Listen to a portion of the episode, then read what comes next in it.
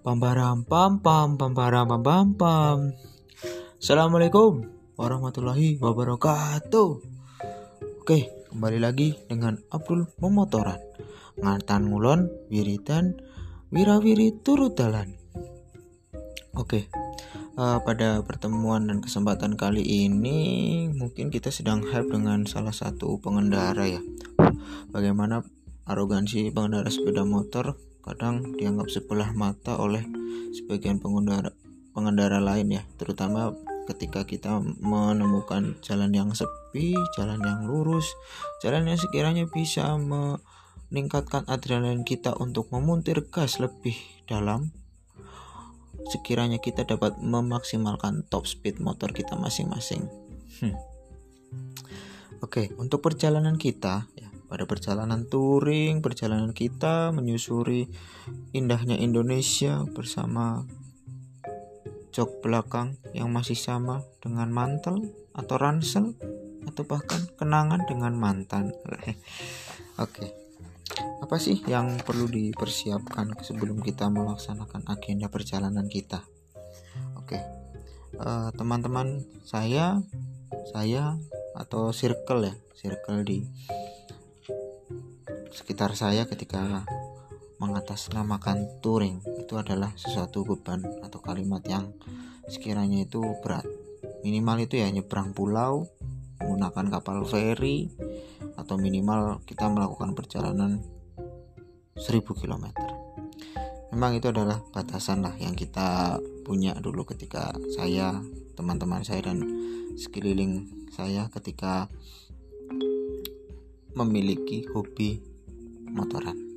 Oke, yang pertama, kita selalu siapkan kendaraan dalam keadaan prima, dalam keadaan yang maksimal tentunya.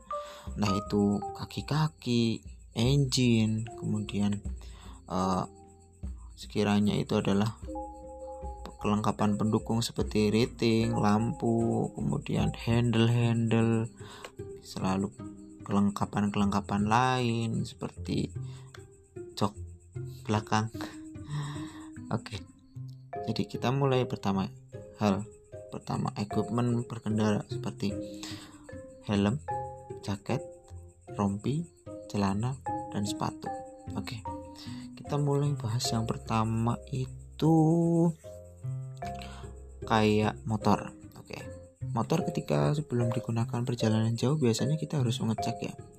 Ngecek-ngecek yang pertama yang paling sering lah kita servis ringan lah kalau motornya karburator ya servis karburator dibongkar repar kitnya dibersihkan dari segala macam partikel yang menempel debu terutama ketika motornya injeksi kita servis lah biasa carbon cleaner di dalam injektornya kemudian ganti filter setiap pemakaian berapa puluh ribu sekali kemudian yang kedua biasanya oli mesin oke okay.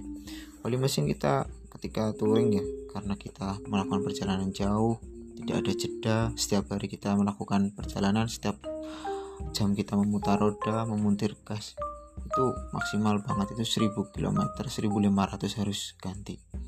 Oke setelah itu kita kelengkapan lampu utama. Oke untuk para pengendara motor biasanya sih lampu diusahakan atau kebanyakan sudah mengganti atau mengupgrade ya dengan lampu yang lebih terang. Nyalanya bisa menggunakan HID proyektor sekarang bisa menggunakan yang ngetren itu daymaker kemudian uh, bilet kemudian ada yang ide kemudian LED banyak sekali macamnya sekarang untuk upgrading itu.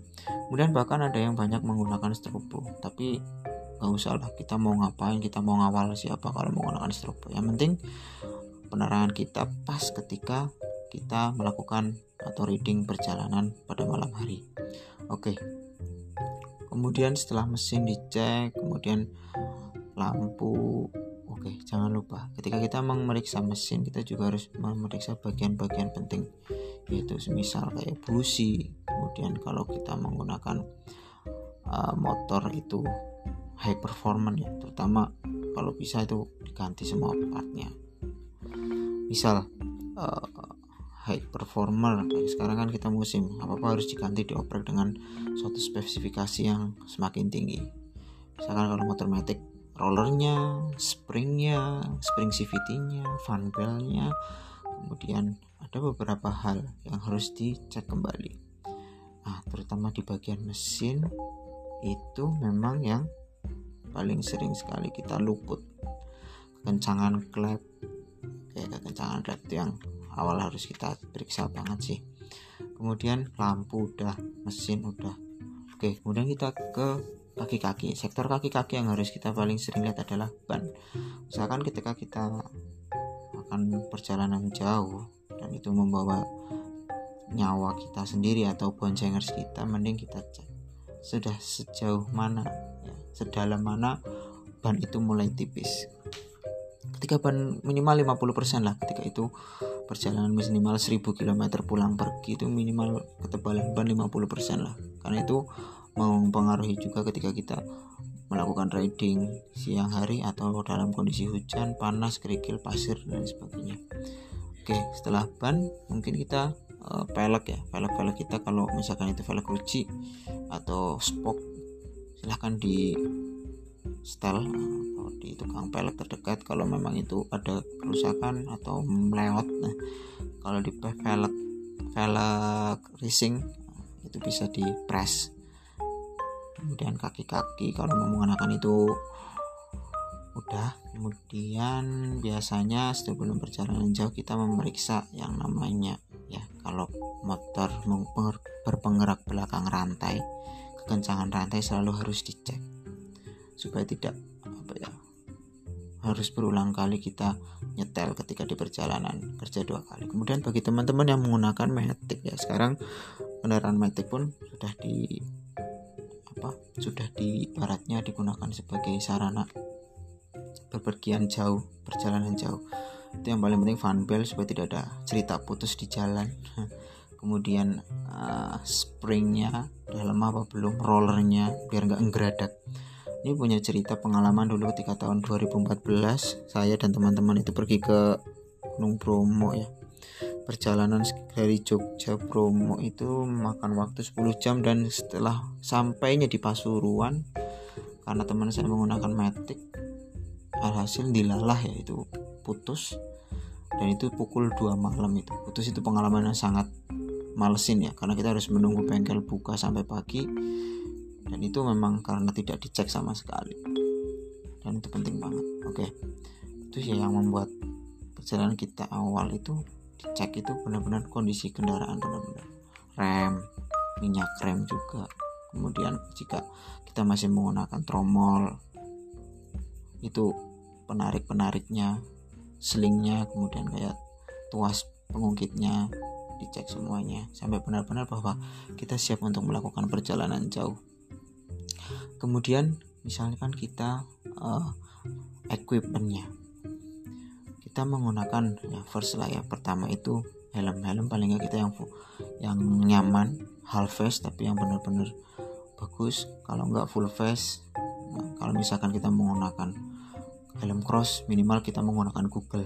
Senyamannya kita yang penting itu helm yang benar-benar bisa melindungi kepala kita. Kemudian jaket. Jaket paling nggak ya windproof jadi kita nanti dada itu tidak terasa sakit. Kalau bila perlu ditambahkan dengan menggunakan rompi. Rompi terserah. Yang penting kita nyaman dalam berkendara. Tidak terlalu panas ketika siang hari dan membuat kita perjalanan malam kita terasa lebih hangat. Kemudian celana. Enak itu dan lebih safety itu menggunakan celana panjang. Bisa jeans bisa cordura bisa menggunakan bahan-bahan lain yang sekiranya mau kita nyaman dan sepatu itu penting banget selain kita terhindar dari panas atau dingin itu bisa menambahkan kepedean kita dalam misalkan menginjak rem, menambah persneling motor yang menggunakan manual, nah, dan kemudian yang terakhir sarung tangan atau gloves. Gloves juga penting banget untuk menambah kepedean kita dalam bermanuver, memegang handle stang, menarik tuas kopling atau menarik tuas rem ketika menggunakan motor matic. Itu uh, di awal-awal persiapan yang harus kita lakukan persiapan equipmentnya dan kendaraan yang akan kita pakai. Oke, untuk selanjutnya kita akan membahas tentang kesiapan badan kita sebelum kita melaksanakan agenda perjalanan jauh menggunakan sepeda motor. See you next time. Dadah. Wassalamualaikum warahmatullahi wabarakatuh.